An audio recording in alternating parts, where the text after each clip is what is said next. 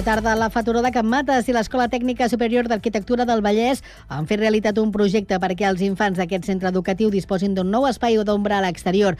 Es tracta d'una cúpula closca, així l'ha batejat l'alumnat, que està formada per més de 300 làmines de fusta de bedoll i que ha suposat que per a l'AFA una despesa de 3.500 euros. És dimarts 3 d'octubre de 2023. També és notícia que Sant Cugat ha trencat la tendència dels darrers dos mesos i registra un llegió descens en l'atur. El municipi té 2.467 persones en situació de desocupació, fet que representa 81 persones menys que el mes anterior, però un increment respecte a ara fa un any, amb un augment de 72 persones més. De fet, la tendència habitual del setembre és una reducció en la desocupació respecte a l'agost, però enguany aquest descens ha estat menor que els darrers anys.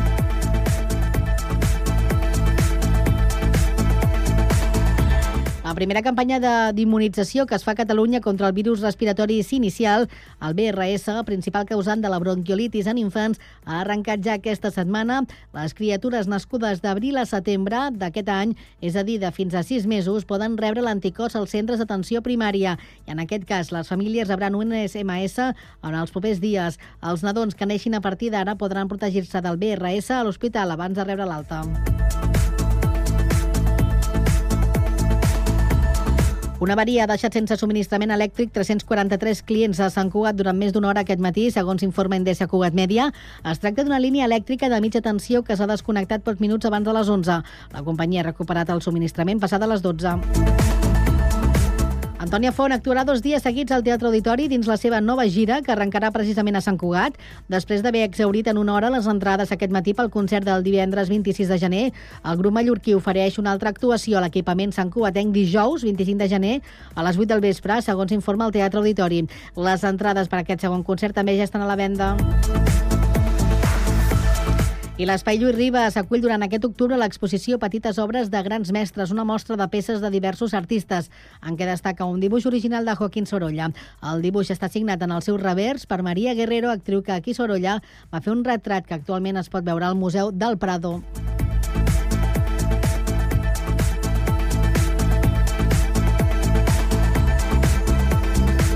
Res més per ara. La informació torna d'aquí una hora a la mateixa sintonia i constantment a internet a www.cugat.cat.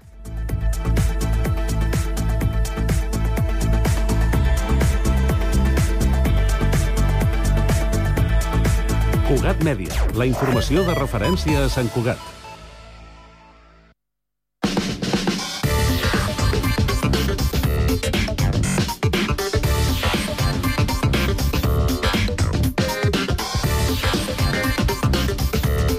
De la tarda, 3 minuts, inici de la segona i última hora d'aquest Connectats de dimarts. Reprenem el programa amb la informació de servei. Comencem pel trànsit, estat de les carreteres, d'entrada i sortida a la ciutat comtal. Jessica Rius, bona tarda. Bona tarda. Doncs ara mateix ens trobem amb la circulació amb congestió a la P7, a Santa Perpètua de Mogoda, cap a Tarragona, amb dos carrils tallats. També hi ha retencions a la B20 al nus de la Trinitat, i això és tot segons informa el Servei Català de Trànsit.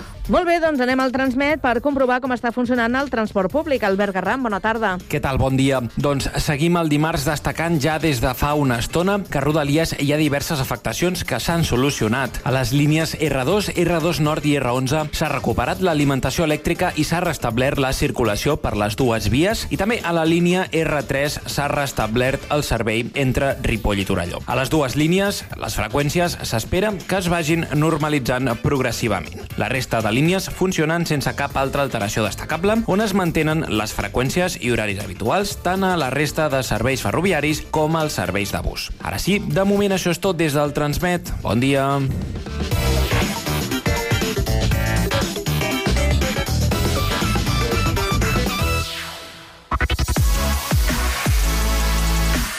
Connectats, una experiència radiofònica a Sabadell, Terrassa, Sant Cugat, El Prat, Castellà i Badalona.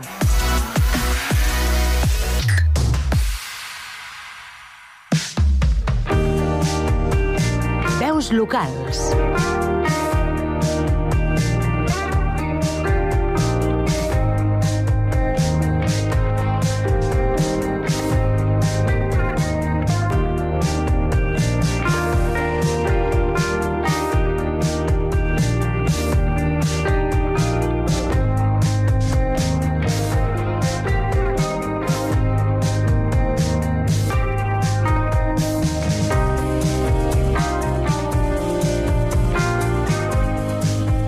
Les escoles d'adults passen molt de puntetes per les notícies d'educació, però en un centre d'aquesta mena pot arribar a haver-hi un miler d'alumnes apuntats i normalment són persones que es disposen a afrontar un gran canvi a la seva vida. Entendre el principal codi que compartim a la societat, que no és altre que la lectura de la llengua. Ara fa 30 anys, una sabadellenca va ser impulsora del grup d'autoedició de materials per a aprenents i ha anat a Ràdio Sabadell a explicar-li al Pau Duran la seva història.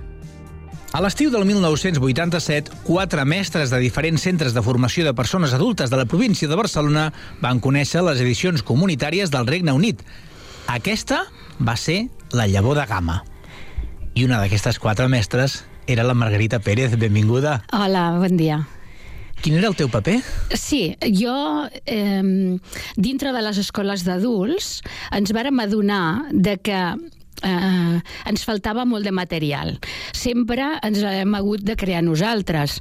Sempre hem buscat els recursos, perquè l'educació d'adults, de persones adultes, eh, és com la cueta del ratolí, no? Com Està allà, està no? allà. Però... És... Tu quina escola estaves, Jo Margarita? estic, a- estava a l'escola d'adults de Can Puiggener en aquell moment i després ens vàrem ajuntar tres petites escoles i varen crear el Centre de Formació d'Adults de la Concòrdia i mm, Gamma, que és, el, és un grup d'autoedició de materials per a aprenents, Aquest és l'acrònim, eh?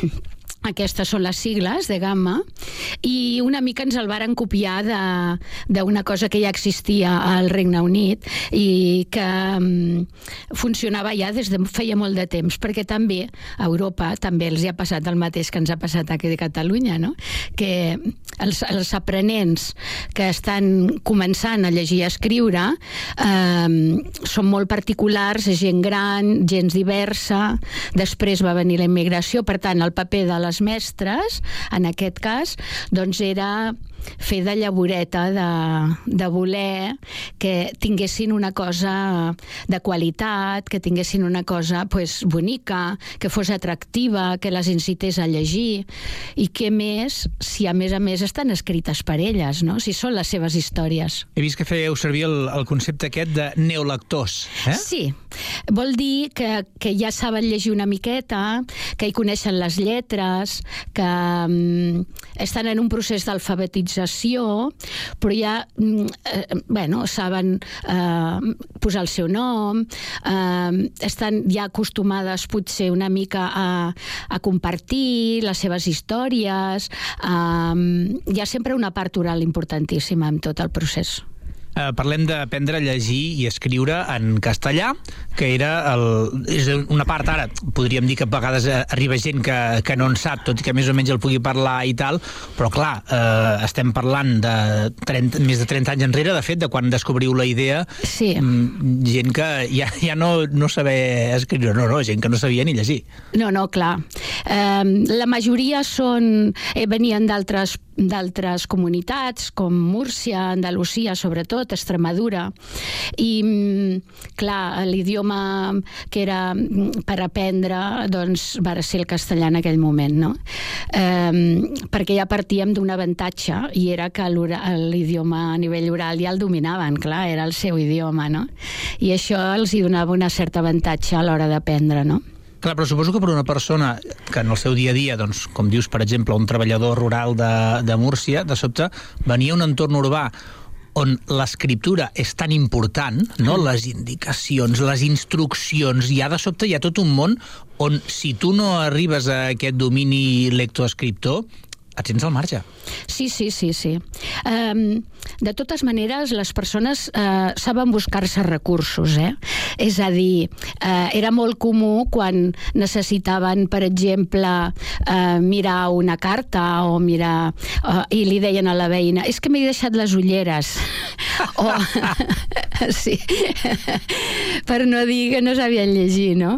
O, o, bueno, buscaven recursos, no? Preguntar pel carrer, aquest, aquí diu això, és que està molt amunt, o... Recursos, és a dir, que el, el fet de ser analfabets sí que mm, bueno, els marcava d'alguna manera, però no els impedia fer una vida totalment normal. Però quan descobreixen que poden llegir, és un món fantàstic, un món fantàstic. De fet, en la història de Gamma, l'any 92, és quan venen dues persones de, de Gatehouse Books a Barcelona, i aquí crec que és una mica quan ja es comença a precipitar no? el que acabarà sent la creació de, de l'entitat, de Gamma. Sí, sí. El fet de que, de que eh, hi hagués altres experiències ens va ser de revolució, ens va fer, si elles poden, nosaltres podem també, no? Si elles ho han fet, nosaltres també, perquè veiem aquesta necessitat. De fet, la, les mestres de, de les escoles d'adults ja, ja ens, ens trobàvem a nivell de, de tot Catalunya i ja vàrem, moltes escoles ens trobàvem a les escoles d'estiu per fer materials, per, per um, compartir experiències i per tant era un afegit més, però que era un repte important perquè editar un llibre comporta molta feina i molt d'esforç i un treball lent, no? Un, uns llibres que em veu acabar editant una dotzena, crec, ben 12, bona. sí, sí, sí. I que més els fèieu, eh, mm, és a dir, d'una banda, deixant que els propis aprenents marquessin una mica quins eren els seus centres d'interès i després també fent servir materials escrits per ells. Sí. Um, la gràcia era, ens vàrem ajuntar al final, hem, hem participat en aquest projecte unes 20 escoles de tot Catalunya i eh, la, la gràcia estava que eh, els escrits eren idees de les mateixes alumnes, nosaltres llançàvem un repte, a vegades era totalment lliure i a vegades era amb, una, amb un fet concret. Recordo, per exemple, un, un dels llibres que es diu Imágenes i palabras escritas en grupo, que era, eh, teníem una imatge una imatge, i aquesta imatge era, la vam repartir a totes les escoles associades, no? Un dibuix allò, una il·lustració, Una eh? il·lustració. Sí. I eh, vàrem dir doncs, que cada escola triés el dibuix que volgués i que eh, escrivíssim el, el, a l'entorn d'aquest dibuix. Això era una proposta, per exemple.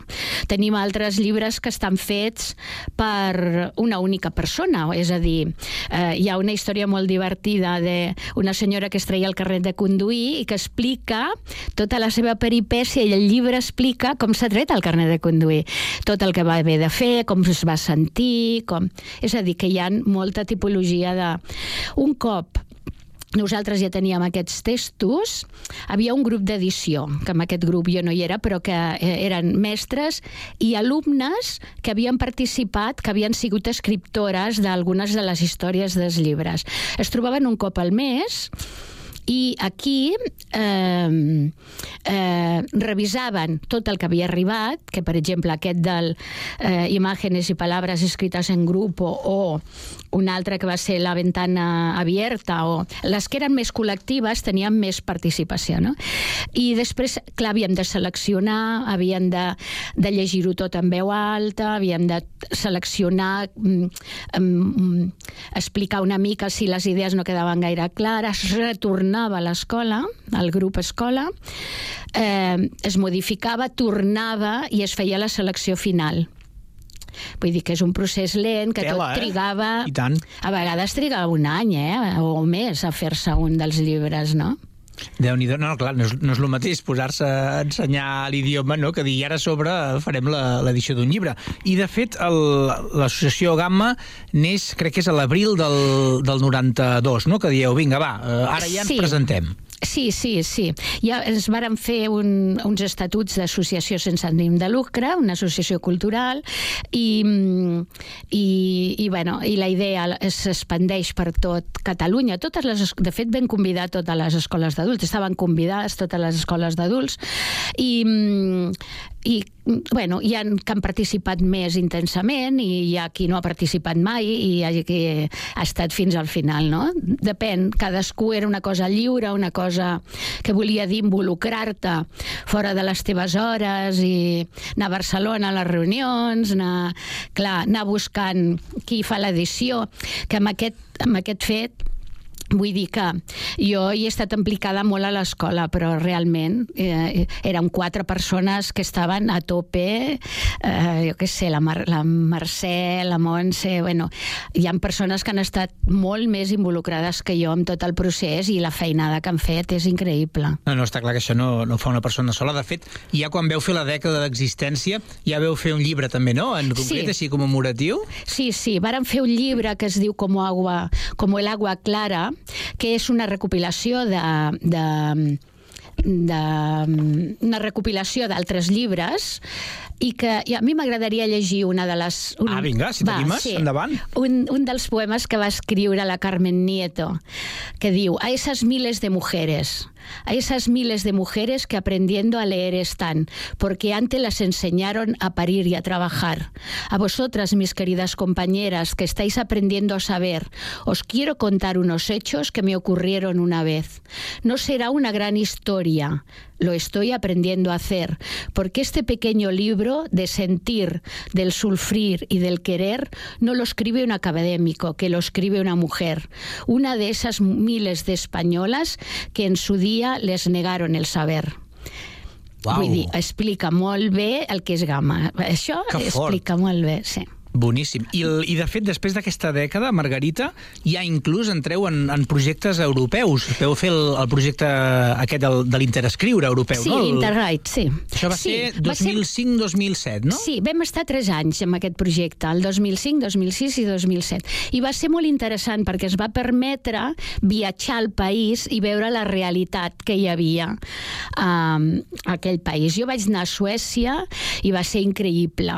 Lo ben tractats que estaven els mestres allà. Era, bueno... Que vam diferència, no? Sí, sí. Era, mira, per dir-te una anècdota, teníem fins i tot una habitació on si tenien mal de cap i tot tenien un llitet a les fosques per poder-se estirar al llitet si tenien migranya o si tenien una regla dolorosa o el que fos, estirar-se. Tota el, la, la, la sala de reunions eren com unes sales d'hotel, d'aquelles sales amb floretes, amb, amb uns sofarets de, de pell de color malva, rosat... Bueno, cada mestre tenia el seu raconet, que era molt, molt agradable. Vull dir, tenien una, una cuinera per ells sols, um, quan vàrem anar ens van portar de seguida a la cuinera el te i, el, i et, és molt ben tractat. Jo penso que, que aquella escola, que era una escola similar a la, a la de, del Centre de Formació d'Adults de la Concòrdia, perquè tenia 900, 1.000 alumnes, aproximadament com els que tenim nosaltres, Es diu ràpid, eh? Però, mare de Déu. Sí, i d'espai en tenien moltíssim. L'espai per pel relax dels profes, no? Refereixo que a mi em va impactar molt aquest, aquesta diferència. Tu diràs, escolta'm, i el, clar, això parlem ja eh, 13, 15 anys després de que s'hagi iniciat el projecte, han començat a canviar les interfícies, també, els formats, i aquí inclús arri arribeu a tenir un blog, oi? Sí, A internet? sí, sí, sí. Va ser com... Um, clar, que aconseguir... Nosaltres teníem les escoles que, era, que estaven associades i fèiem com blocs de 10 llibres de cada edició. Cada escola li, li, li donaven blocs de 10 llibres o de 20, en funció del que volguessin. Aquí a Sabadell les quatre grans escoles estaven associades, és a dir, la de Can Rull, la de mm, Torre Romeu, la Creu de Barberà i nosaltres el CFA Concòrdia, no? I també les aules que teníem a, a Can Puiggener i a Can Déu. Per tant, ens arribaven lots de... Bueno, ens arribaven, els anava a buscar jo, clar, els lots de, de 10 per cada escola i jo els hi, els hi passava amb ells i la- la- l'escola, en concepte de material, doncs pagava el cost d'aquestes 10 tal. També hem tingut col·laboracions d'ajuntaments. Els ajuntaments a vegades ens ha pagat una part de l'edició, però tot era bastant complicat i sempre la qüestió econòmica ha sigut una mica també complicada, complicada.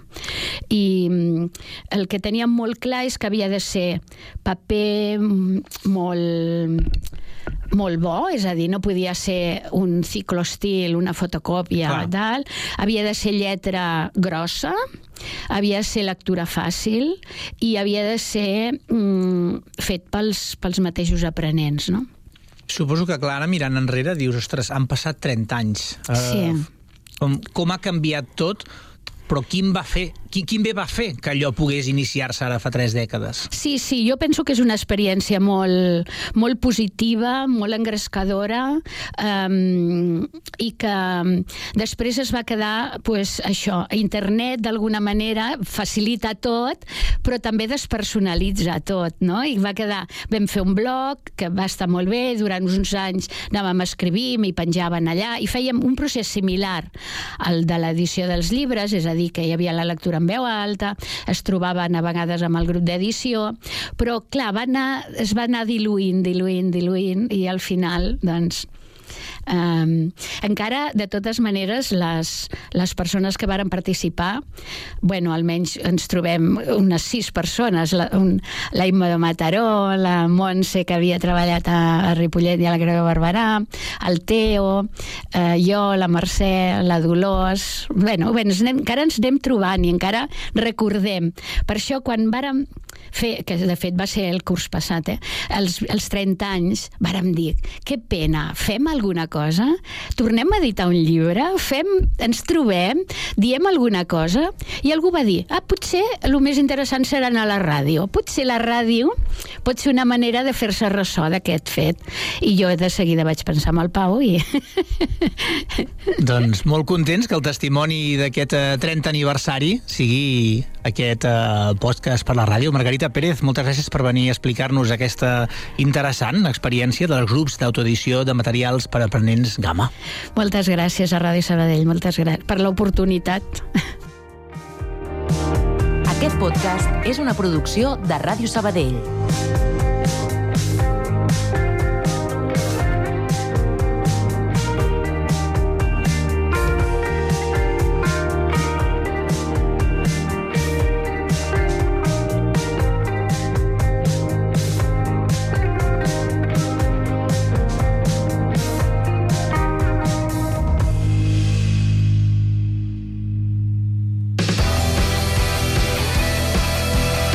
La tarda, no et desconnectis. Connectats. Bocabadats.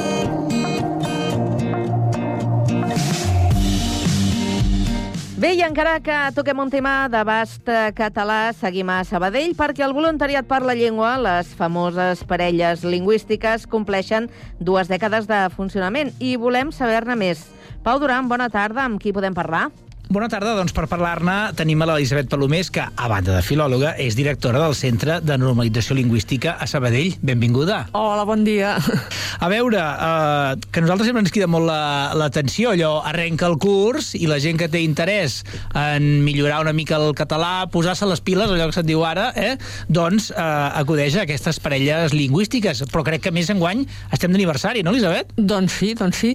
Nosaltres hem, vam començar els cursos la setmana de, del 20 de, de setembre, amb, amb molt bona acollida per part de, de la població, eh, i a banda, la gent que no vol fer un curs, doncs perquè ja el té o perquè no li interessa fer un curs reglat i tot plegat, doncs hi ha aquesta opció del tema del, del voluntariat per la llengua, que és un programa que la veritat ens està donant molt bons èxits. Com tu deies, aquest any celebrem els 20 anys, celebrem 20 anys que es va començar aquest programa, i amb unes xifres mm, molt espectaculars, perquè estem a punt de batre um, les 175.000 parelles. 175.000 parelles?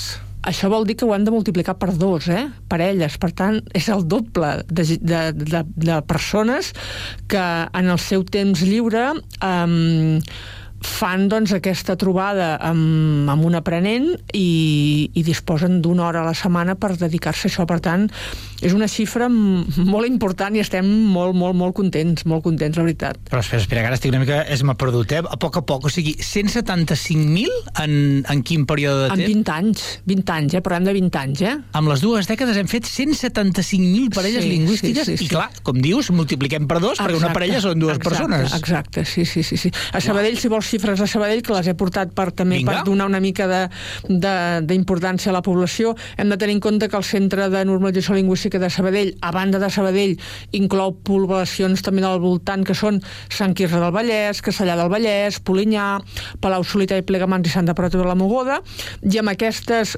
sis poblacions, amb aquests... Um, 20 anys hem fet un total de um, 8.000 parelles, 8.800 parelles. Per tant, també és una xifra, penso que molt important, i com et deia, eh, no podrem donar mai les gràcies als, als voluntaris que, que ho fan, evidentment, de forma altruista i que, i que és una feina sensacional.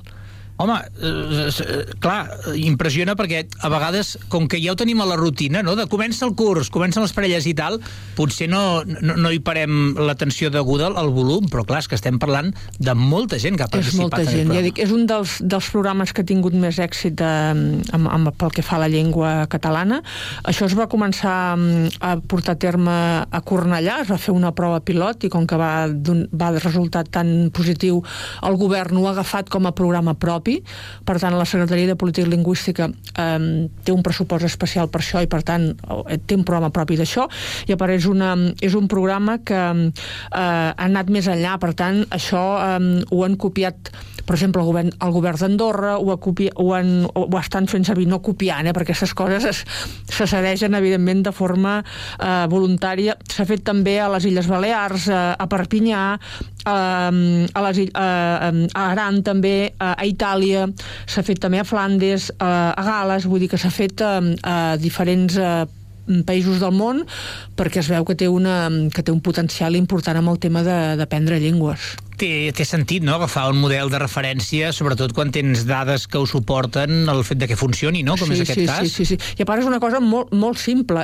Es tracta de posar en contacte un voluntari, que és una persona que parla català, i que sempre expliquem, no cal que siguis professor, no cal que tinguis un nivell molt, molt alt, únicament sent parlant, eh? sent catalanoparlant, ja, ja, ja serveix una persona catalanoparlant i una persona que en diem l'aprenent, que és una persona que l'està aprenent.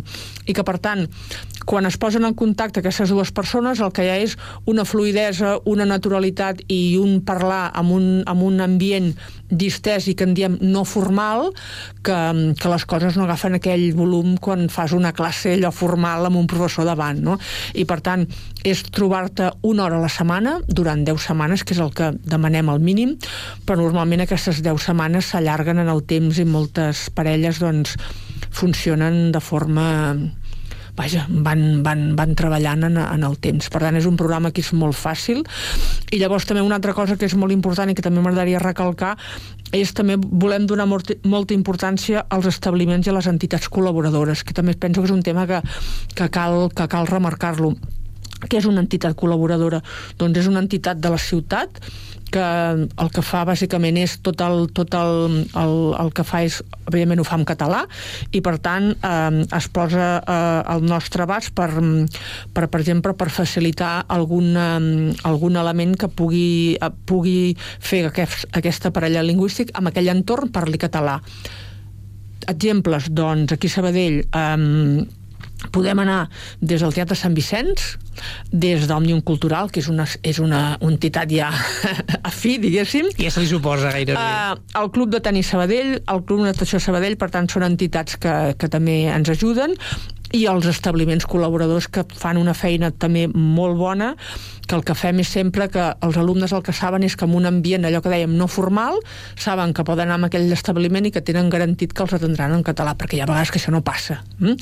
I per tant, aquí a Sabadell tenim una xarxa d'establiments col·laboradors extensíssima, des de la llar del llibre, l'estripa, amb l'òptica Ribes, um, Belles Arts, uh, el pati de l'Aliança, etc etc etc que ens ajuden molt uh, que una persona um, vagi en aquest establiment i li garanteixi doncs, aquesta, um, aquest, aquest parlar en català.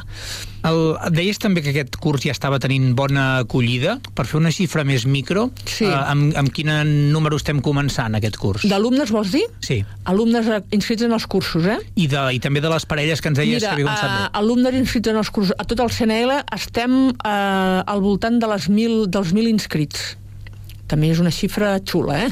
I sembla tant. que estem als... perquè fins demà hi ha temps per inscriure, per tant, em sembla que ara estem... aquest matí mirava les xifres, em sembla que ens falten dues persones per inscriure's, però avui estava al centre i ha vingut una altra persona a inscriure's, per tant, jo diria que, que aquestes, mil, aquestes mil persones les, les farem. I pel que fa al... Que, perdona, Elisabet, el, és el mateix que dèiem abans, eh? és Sabadell més les altres correcte, cinc poblacions correcte, que ens ajuden. Correcte, sí. i llavors aquí també cal, cal tenir en compte que des de la, des de la pandèmia, que ja sabem veiem que ara a vegades ens, hi, ha, hi ha aquesta línia, no? doncs eh, es van posar, que ja en fèiem, eh, al, al Centre de Normalització Lingüística, ja fèiem els cursos en línia, però des de la pandèmia es va, es va posar com molt, molt de moda, si em permets la paraula, i la veritat és que hi ha molts, moltes persones que decideixen o prefereixen fer un curs en línia que no pas un curs presencial, perquè els, els dona molt més llibertat de moviments. Eh? Per tant, amb inscrits, eh, a tot el CNL estem, ja dic, rondem els 1.000, els 1.000 inscrits, i pel que fa a les parelles lingüístiques, clar, jo tinc dades del juny, perquè encara tot això s'està movent.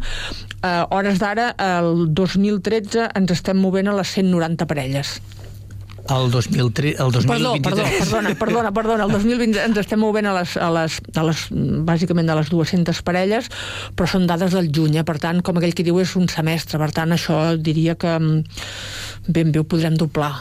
Potser no arribarem a les 400, però, però potser no, no en faltaran gaires. Molt bé. Escolta, i aquestes dues dècades s'hauran de regar d'alguna manera, no? Com ho regarem, ho regarem, mira, ho reguem ja eh, aquest dijous 5 d'octubre, eh, que es fa una celebració a tot Catalunya Catalunya de, dels 20 anys del voluntariat per la llengua i el que fem és um, anem a la, al TNC, al, al Teatre Nacional de Catalunya, amb una sessió especial per, per nosaltres i anem a veure la, la plaça del Diamant. Llavors, des d'aquí Sabadell surt, surt un autocar eh, cap, allà, cap, a, cap al Teatre Nacional i hem convidat tant a, tant a aprenents com voluntaris, entitats també col·laboradores eh, i doncs bàsicament a, a, aprenents i voluntaris que són bàsicament els que, els que hem de donar les gràcies per aquestes xifres tan fantàstiques. I després aquí a Sabadell també hi ha més, més, més localment, el dia 25 d'octubre farem també un acte de celebració eh, perquè aquesta, la campanya d'ara del voluntariat per la llengua està marcada amb, un, amb, un, amb una campanya que es diu Quan parles fas màgia i després hi ha un, hi ha un, una, un espectacle de màgia que fa un mag que es diu és el mag Joanola que vindrà aquí a Sabadell el dia 25 d'octubre a les 7 de la tarda al Casal Pere IV i farà doncs la farà aquest espectacle i penso que, doncs, que serà una, una cluenda doncs, eh, important i que també doncs, eh, eh, convidarem a tots els nostres eh, eh, aprenents i voluntaris per, eh, per fer doncs, aquesta, aquest acte de celebració. I em, parlaves d'una cosa de, de la parella lingüística que m'ha fet pensar, és una sospita, eh? Però clar, trobo que eh, una cosa és apuntar-se a un curs, no, i anar aprenent la gramàtica, vocabulari, etc. Clar, però el fet de tenir una parella lingüística suposo que fa que puguis eh, aprendre o que puguis preguntar inquietuds, cadascú té les seves, no?, quan intentes aprendre un idioma, i en aquest cas el català, de dir, però i això per què? O, o en quin context o en quin cas sí o no? O és més, culturalment, quin sentit, no? Per, per què té això? O per què hi ha uns parlants... Aquest... Qui, qui, qui, el Merci, qui cola el Merci? Qui, no? Clar, amb una parella lingüística sí, pots sí, apretar-lo sí. una mica, sí. dir, tu, explica'm això. Clar, el que és important, allò que et deia, és aquest àmbit no formal de la llengua, que és l'important és que tu et pots deixar anar amb una persona i li pots preguntar una cosa. Llavors, quan venen els, els voluntaris al centre i els expliquem el funcionament, sempre els diem, escolteu, és molt important um, que abans de començar amb la parella lingüística pacteu, una, allò, pacteu quatre coses, no? Poseu les les normes sobre la taula. Si vols que et corregeixin o no. Perquè, clar, tu i jo podem estar parlant, tu pots dir una cosa que no està ben dita i tu em pots dir, mira, cada vegada que tu em digui, que jo et digui una cosa incorrecta, si plau corregeix-me o l'altre que diu, no, no, no, no, jo vull eh, anar continuant perquè si tu em talles perdo el discurs i ja no és natural. Per tant, són aquestes dues maneres de, de, de treballar i per tant penso que el que aquí és important és que l'alumne agafi fluidesa, perdi la por eh, i que llavors pugui anar a aquell establiment i parli català i que ningú li digui res. Mm? Per tant, jo penso que això és important. I això que deies tu també és cert, no? Que s'estableix una, una relació molt, molt important entre aquest alumne i aquest aprenent i ha de passar a vegades el tema de la parella lingüística i si tu ara entrevistessis amb una parella lingüística, la gran majoria han esdevingut amics i com que són sempre de, de, de cultures diferents doncs s'estableix un vincle cultural molt important, molt important. Elisabet Palomés, moltes gràcies per venir a explicar-nos aquestes dades al Connectats. Moltes gràcies a vosaltres. 175.000 parelles en dues dècades, eh? Agafeu-vos fort.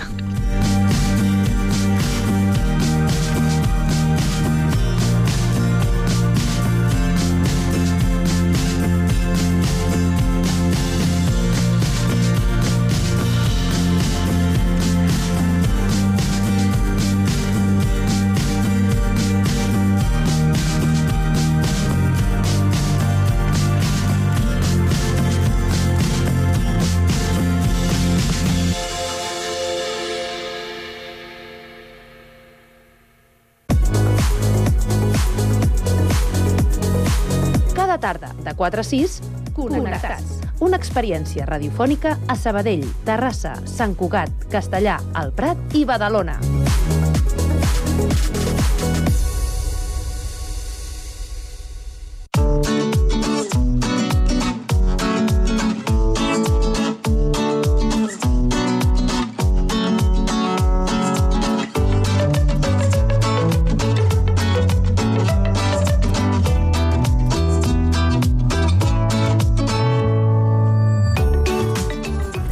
Hola, sóc la Laura del Prat i avui us vinc a recomanar una nova pel·lícula que s'ha estrenat recentment a la plataforma de Netflix. En aquesta pel·lícula, la protagonista, Mia, que és interpretada per Anna Castillo, és una dona embarassada que, amb el marit, fuig d'un país totalitari amagada en un contenidor marítim. Després de ser forçosament separats, haurà de lluitar per la seva supervivència quan una violenta tempesta la llença al mar. Sola i a la deriva, a la meitat de l'oceà, Mia s'enfrontarà a tot per salvar la vida de la seva filla i retrobar-se amb la seva parella. La pel·lícula, que ha estat dirigida per l'Albert Pino, està ambientada en un futur distòpic amb escassetat de recursos, on el tema principal és l'amor de mare i com aquesta és capaç de lluitar davant totes les adversitats per salvar a la seva filla.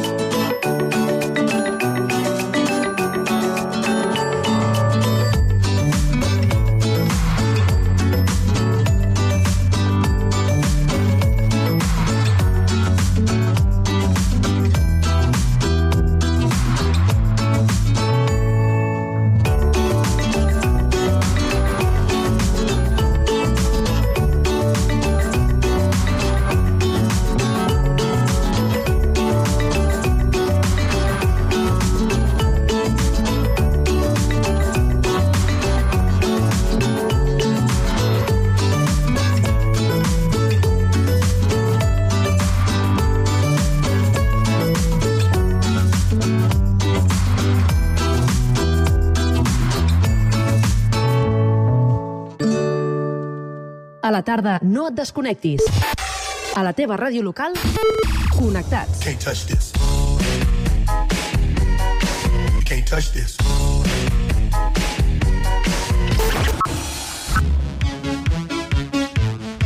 Can't touch this.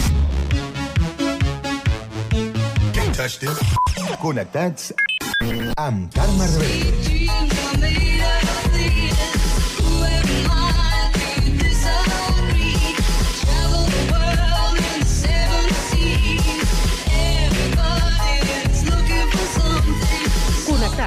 Una experiència radiofònica a Sabadell, Terrassa, Sant Cugat, El Prat, Castellà i Badalona.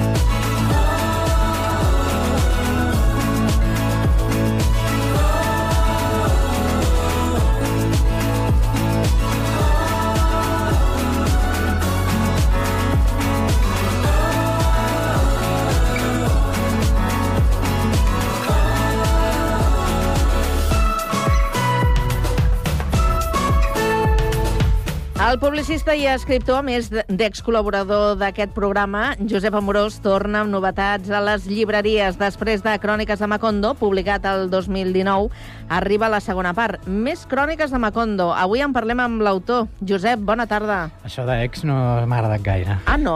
No. Doncs torna. Ex? diu, no m'ha agradat. Home, ho pots continuar sent. Continua sent ex, sisplau. No. no. A veure, Josep, les cròniques de Macondo, eh, de fet són relats que, que es publiquen cada setmana al setmanari local Tot Sant Cugat. Es publicaven, de fet, eh? fins setembre de l'any passat. Molt bé. Eh, en aquesta ocasió, perquè ja hem dit que hi ha una primera part, Eh, el treball que, que presentes, aquesta compilació d'aquestes cròniques que s'han publicat, eh, ve a ser una continuació, literalment, de la, de la primera part, o, o hi ha alguna cosa diferent? A veure, el que hi ha de diferent és que, és que és evolució, òbviament, és a dir, això són cinc anys en total. Els que surten ara són els tres últims i en el primer llibre ha els dos primers. Està una miqueta descompensat. No són dos i mig i dos i mig, sinó que ho vam fer així.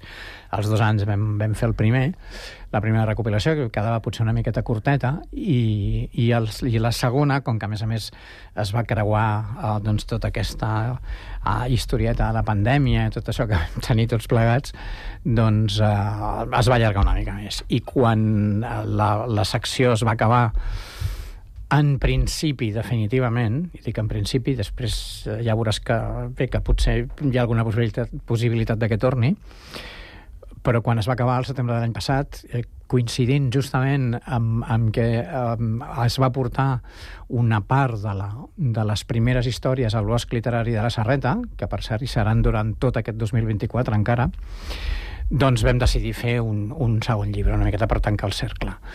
I, però l'altre dia, en la presentació del llibre, doncs, eh, hi havia la Laura Grau, la directora del tot, i, i em va dir, escolta, eh, totes les grans sagues són de tres, són trilogies. Mira, que, que, ben portat, eh? Has vist? Sí, sí, sí. Va, si no n'he vero, ben trobat, però n'hem de parlar. Sí, n'hem de parlar. O sigui que hi haurà una tercera part. És possible que, clar, tot passaria per tornar a publicar, a, a, bé, a fer reviure la, la secció i a tornar a publicar cada setmana i quan tinguéssim 100 setmanes, doncs fem Però si no fos, tercer volum. si no fos el cas, si no fos publicat eh, setmanalment, mm, igualment es podria fer. Jo penso que no tindria massa sentit, perquè no? són...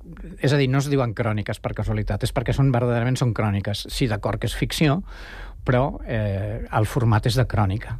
Eh? I aleshores doncs veu, eh, si no directament, podríem dir que veu eh, d'una realitat ficcionada, però necessita aquell punt de, de realitat per sortir. És a dir, per exemple, eh, quan van tancar el bar Catalunya, doncs vam fer una crònica... El mític eh, bar de, de l'estació, de Sant Cugat, El que Cata. coneix...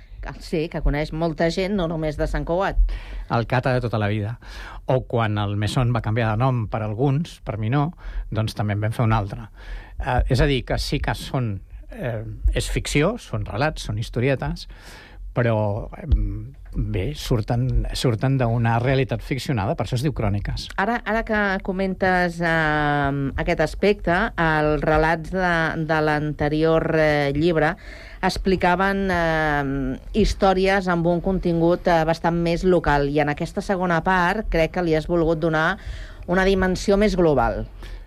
Jo suposo que és, inevit és inevitable, eh? per diferents motius. Aviam, el, el primer, eh, si vols, és logístic, i senzillament és que a mi el confinament em va enganxar fora de Sant Cugat, és a dir, amb la qual cosa. Jo continuava enviant una crònica cada setmana, però no estava a Sant Cugat. Vull dir que entre tu i jo, doncs, eh, clar, era una lectura una miqueta més a distància. Per això estan en, en un... Eh, eh, en un apartat especial d'aquest recopilatori que es, precisament es diu Cròniques confinades. Ah, el confinament estava mm, lluny d'aquí i, i, i, ho- i ho vam solucionar d'aquesta manera. Les seguia enviant, però, és clar eren unes realitats molt més um, de reflexió interna i de, en fi, una miqueta El que més moment, no? d'introversió. Jo no sé si ho requeria o no, però vaja. Home, o era el que fluïa, el que sortia, perquè, clar, jo crec Sí. que no va ser l'únic, Sí, m'imagino, no? Va ser molt curiós, perquè va ser una època en la qual, eh, com a mínim, jo vaig, vaig... Bé, la creativitat es va disparar, vaig, vaig escriure molt. De fet, no hi havia massa més coses que fer. Afortunadament, eh, sí que vaig continuar fent classes, perquè teníem el recurs doncs, de, de l'online, eh, de la classe a distància, eh, però eh, així com eh, escrivia molt més, doncs, en fi, la, la indústria editorial es va paralitzar, vam deixar de publicar. Jo, tu pensa que ara he tret aquest llibre, 2023, eh, l'anterior és del 2020, Vull dir que són tres anys sense, sense publicar llibre. Sí que publicant doncs, en, en, doncs, setmana rere setmana, etc etc. Però és curiós perquè, mira, el, el, el catxondo del meu editor, quan va escriure la contraportada, mm, diu textualment d'això de, les, de, la, de la part mm, de les cròniques confinades, diu l'autor ha volgut separar un espai, llegeixo, eh, de la contraportada directament, per les cròniques confinades, les que va publicar en els pitjors mesos de la pandèmia de la Covid-19, quan confessa que va accentuar els trets principals del seu estil, contundència però llenguatge poètic, ironia i sarcasme amb un punt de misantropia. Això és molt important, la misantropia. Respira misantropia. Tu, però eh? tu et sents identificat amb aquesta descripció? És el meu editor. Vols dir que et coneix? Prou. M'ha de conèixer una mica, com a mínim m'ha llegit, vull dir que, esclar, eh, ja saps, no?, que, que hi ha dat un aquest relat, doncs, doncs a, a partir de llegir una persona, doncs en coneixes coses, clar, òbviament. Uh -huh. Irònic i, i sarcàstic. Mm, sí, però això ho he estat sempre. Això ho he estat sempre. Però en aquestes cròniques, en aquest espai de temps, sembla que mm, es noten més a flor de pell. Més sarcasme, jo penso que també era inevitable, també ens va passar una miqueta a tots, no? Perquè és una miqueta la conseqüència de, bé, d'aquesta... Al final jo en dic misantropia eh, imposada, ens la van imposar, ens, ens vam tancar cadascun nosaltres mateixos, al mateix temps que intentàvem obrir-nos de mil maneres diferents, no? Però bé, és un episodi... És, és una etapa... Sembla, sembla que faci 50 anys, oi? Sí, dona la sensació que Sí. ja ha plogut i tampoc no és el cas. Tampoc, tampoc, tampoc és el cas. Exacte. Tampoc és el cas. Eh, per cert, aquestes cròniques eh, que corresponen a la- a l'època del, del confinament són... Són reflexions eh, teves com molt personals o també narren eh, històries, hi ha temàtiques diferents? De, de què parlen? Parla una mica de tot. És cert que, esclar, um, et tens a tu mateix. Quan estàs tancat a casa, m- m'explicaràs què fas. Eh, doncs eh, parles de tu mateix, òbviament, i parles de records, i tens evocacions, etc. Mira, avui precisament ho comentàvem amb, amb uns a classe de, de, de literatura, eh, que eh, parlen de, de l'Horacio Quiroga. Eh, les emocions no les has d'escriure mai quan les tens, perquè tens un desbordament que no et permet eh, fer-ho com ho hauries de fer. Has de deixar que passi temps. I si quan ha passat el temps ets capaç de recordar el que vas sentir en aquell moment, vol dir que val la pena escriure-ho, que paga la pena escriure-ho, escriure-les. És clar, no va ser el cas d'aquell moment. Escrivies tal com raja el que estava, t'estava passant en cada moment. El que sí és que, que és cert, i això connecta amb, la, amb, amb com hem començat, amb com has començat tu la reflexió, és que eh, van deixar mm, de ser cròniques mm, molt estrictament locals, Macondo, òbviament, és una alegoria de Sant Cugat, eh? O sigui, i tu saps que jo sóc barceloní del 58 i Sant Cugatenc del 77, que quan vaig aterrar a Sant Cugat, eh, no sé, el, el, la Rambla del Celler una riera, eh? per, per, sí, per dir-ho. I en eh? realitat ho continua sent, encara que estigui tapada. Sí, està tapada, però vaja, ara és una ho dic per avinguda. tot eh? això del canvi climàtic i aquestes Sí, coses, exacte. Eh? Aleshores, doncs, eh, sí que eh, probablement a partir de realitats locals l'enfoc és, és probablement molt més, molt més global, però potser és una miqueta el que, el que busquem, eh? és una miqueta el que busco en aquesta agafades en la seva globalitat, si bé una per una poden ser episodis mínims, molt petitets, cròniques de, de, de momentets, eh? de, de petites realitats locals, sí que i procuro que acabin dibuixant com, no sé, com si fos un, un quadre puntillista, eh? com si cada puntet, un cop els veus tots junts, t'acabi doncs, eh, dibuixant una, una realitat global fins i tot planetària, si vols, que em parles de, de, de canvis climàtics, etc etc. És curiós que en el llibre ho dic. Uh, tots, eh, tots parlem del, del, tots parlem del clima quan, pensant que parlem del temps. Eh? O sigui, en realitat dius, ostres, quin bon temps que fa. En realitat estàs parlant del clima, però en realitat sempre acabes dient el que verdaderament penses del temps, no del clima. Doncs això és una miqueta el, el, el joc, eh, potser una mica trampós que, que hi ha a sota de tot això. I escolta una cosa, dius que converteixes molts coneguts en, en personatges. Molts, molts no tants, Eh, però alguns sí, eh? Mm, converteixes coneguts en personatges. Eh, i, I jo et pregunto, què, què t'han de suggerir a l'hora de triar-los per, per crear aquest personatge? Pot ser qualsevol input, eh? Sí? Qualsevol. Mira, Digue'm un, per exemple. Uh, espera't que te'ls espera que te'ls trobo. Uh, abans de la, la, L'estàs l'estàs buscant. de la, si estic aquí fullejant. Uh -huh. Abans de l'apartat de, de referents, que referents són més aviat són referents literaris, però uh, fixa't doncs, que amb, amb qui m'he fixat en un apartat que es diu Capacitus. Això ja ve del primer llibre. Capacitus vindrien a ser com els, els humanots i les donasses del Josep Pla, eh? però referits a Sant Cugat. I capacitus és una paraula que només es pot entendre a Sant Cugat, perquè eh, òbviament me la vaig inventar jo, però me la vaig inventar a partir de, uh, del, del malnom que tenia una família molt coneguda a Sant Cugat. Aquí en tens un, eh? a l'estudi, Sí, estem a l'estudi Ramon Ramon. Barnils. Doncs els Barnils, eh, l'àvia del Ramon, ens vivien al carrer del Carme, eh, seia amb la cadira fora al portal i quan els veia que feien el gamberro pel carrer o que feien qualsevol cosa o que s'anaven massa lluny, els criava dient... Era, era d'origen eh, abrenca, aquesta senyora, eh? i els criava dient vine cap ací tu, vine cap ací tu. I ja saps que a Sant Cugat hem, sempre hem estat molt, molt amics de, de posar malnoms a, a, a tothom. Hi ha alguns que, en fi, no val la pena recordar-los ara, però els Bernils són els capacitos. I aleshores, doncs, per això, d'alguna manera, recuperant aquesta anècdota, eh, ve el nom d'aquesta secció. Doncs alguns capacitos que surten doncs, són eh, el Madí i el Cugat, Que són dos personatges. el Pere Pallissa i el Joan Fàbregas, Sí. eh, precisament molt connectats amb la ràdio. L'Eduard Jané, També també connectat amb la, amb la ràdio. la Montse Moral, indirectament, però també connectada Montse amb la Moral ràdio. és tertuliana d'aquest programa. Sí, sí. Farmacèutica. I, I la meva farmacèutica de guàrdia, I la teva farmacèutica. De guàrdia, sempre li dic hola, farmacèutica de guàrdia. Ara és el, és el Julibert de totes les salses, perquè te la trobes en totes A les tot arreu, mogudes, sí, sí. inclosa la ràdio, efectivament. Bé, no sé, el Pep Tugas, eh, els Petits Camaleons, eh, la, la Dolors Vilassau, També les, tertuliana. amb- les lectures a la fresca, que precisament l'any de la pandèmia em van convidar a fer a escriure un monòleg que me'l va fer la, la Carme González Roque, va fer una interpretació brutal d'una bestiesa que vaig escriure. Ràdio Sant Cugat, Mira, aquella ràdio dels 82. Aquest te'l llegiré, eh? sí? Sí, esclar. Ah, fantàstic. A la ràdio s'ha de llegir, no? Quan tu diguis per això.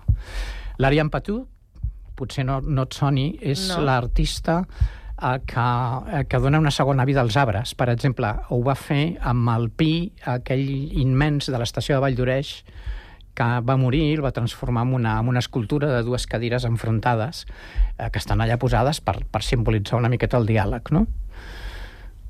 Bé, sí, però això no són personatges, això són persones reals que Sí, sí, apareixen en són- una crònica determinada. Després sí que hi han alguns en els quals els hi demano disculpes en els agraïments de la...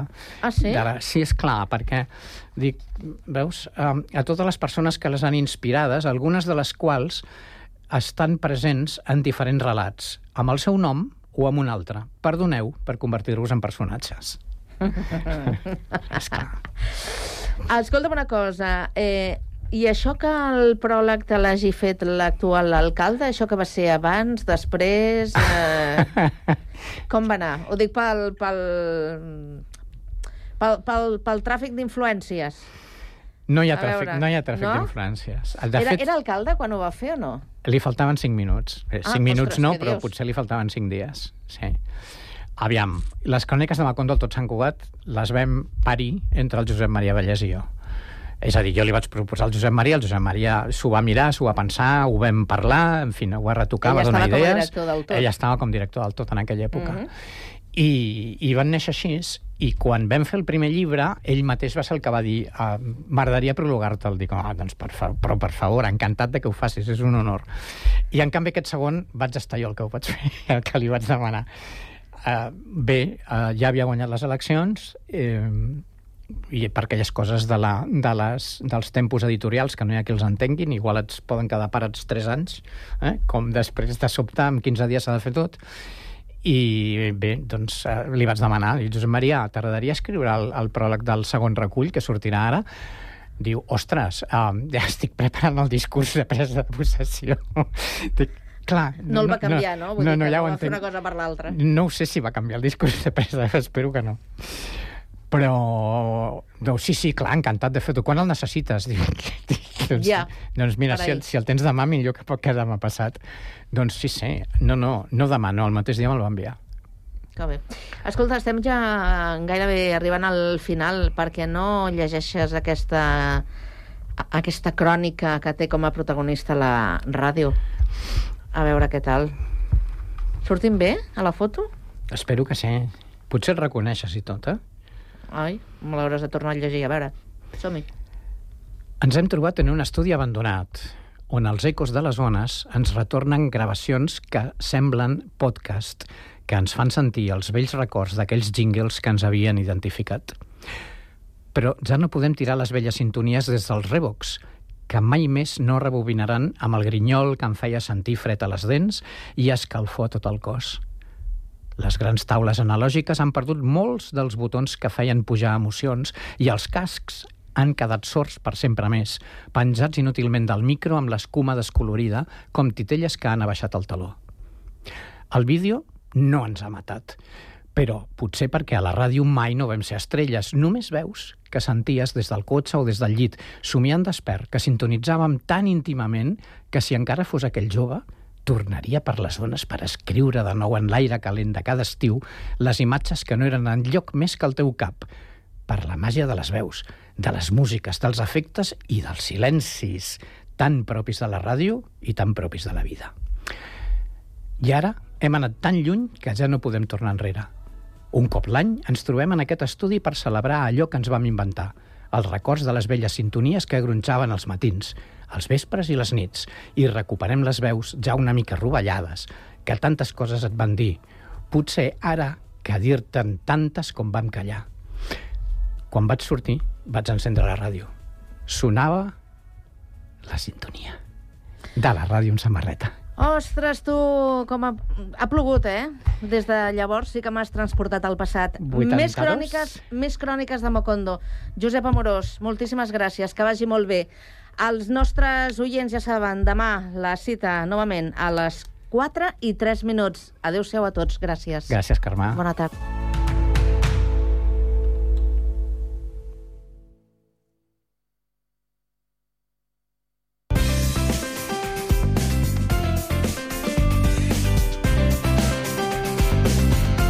Ràdio Sant Cugat, 91.5 FM.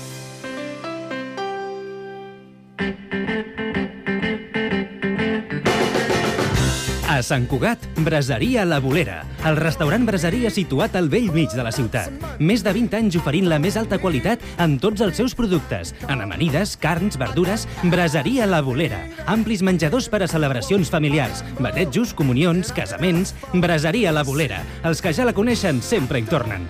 Baixada de l'Alba 20, al costat del monestir. Telèfon 93 674 1675.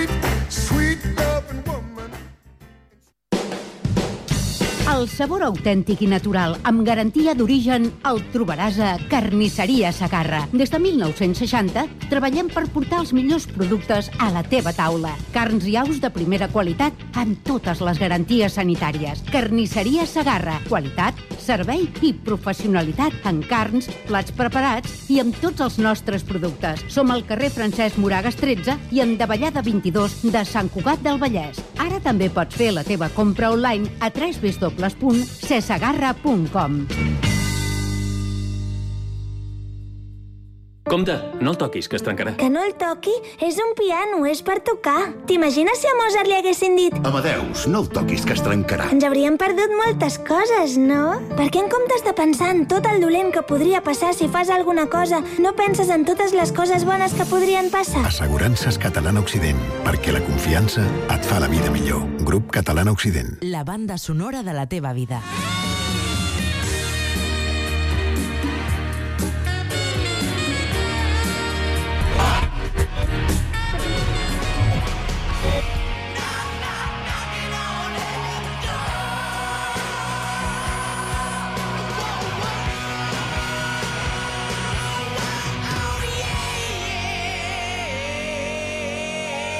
Música a Ràdio Sant Cugat. Queda't amb nosaltres. Hem sortit al carrer per preguntar als nostres escoltants què els hi semblava la llanterna màgica i això és el que ens han dit. Pues la cosa es así. Verá. Es impresionante. Me encanta, me encanta. Mola. Me gusta cómo suena. ¡Qué bonito! Si us agrada el cine i les bandes sonores, vosaltres també podeu formar part dels escoltants de la llanterna màgica. Tots els dijous, a les 10 del vespre, La llanterna màgica a Ràdio Sant Cugat. Ràdio Sant Cugat, Cugat Mèdia, www.cugat.cat. Ràdio Sant Cugat,